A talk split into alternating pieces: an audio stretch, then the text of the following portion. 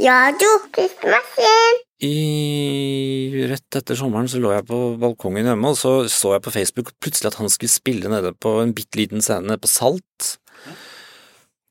Og jeg klarte å komme meg ned dit, og komme meg inn, og ja, var, det var et veldig, veldig veldig lite rom, og det var et svært band. To trommeslagere, to keyboardister. Eh, han Jeg tror det var seks stykker på den scenen, og det var Og han begynte å spille, så gikk han altså, det, det, var som å se en stadionartist som Det, det bare det var, det var, som det, var som Det var som hele veggene i rommet bare revna hele tiden, for han tok så mye plass, da.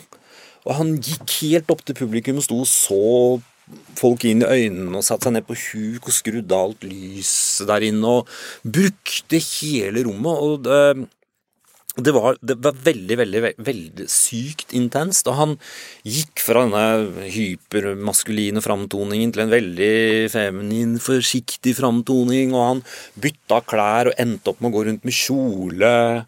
Eh, så det, det, som slo meg igjen, som jeg hadde savna veldig lenge at jeg, jeg, har jo likt å gå på eh, konserter og sånn tidligere, så har jeg følt at masse sånne ting blir så kjedelig av en eller annen grunn. Eller at folk, når de gjør ting, at de liksom prøver å kopiere en stil eller gå inn i om det skal være et metal-band eller sånn og sånn. Så her var det liksom han, det, var, det, var, noe annet han holdt på med, og det, det som eh, plutselig slo meg da jeg så det, er at eh, det, det egentlig han holdt på med, er sånn at eh, gjøre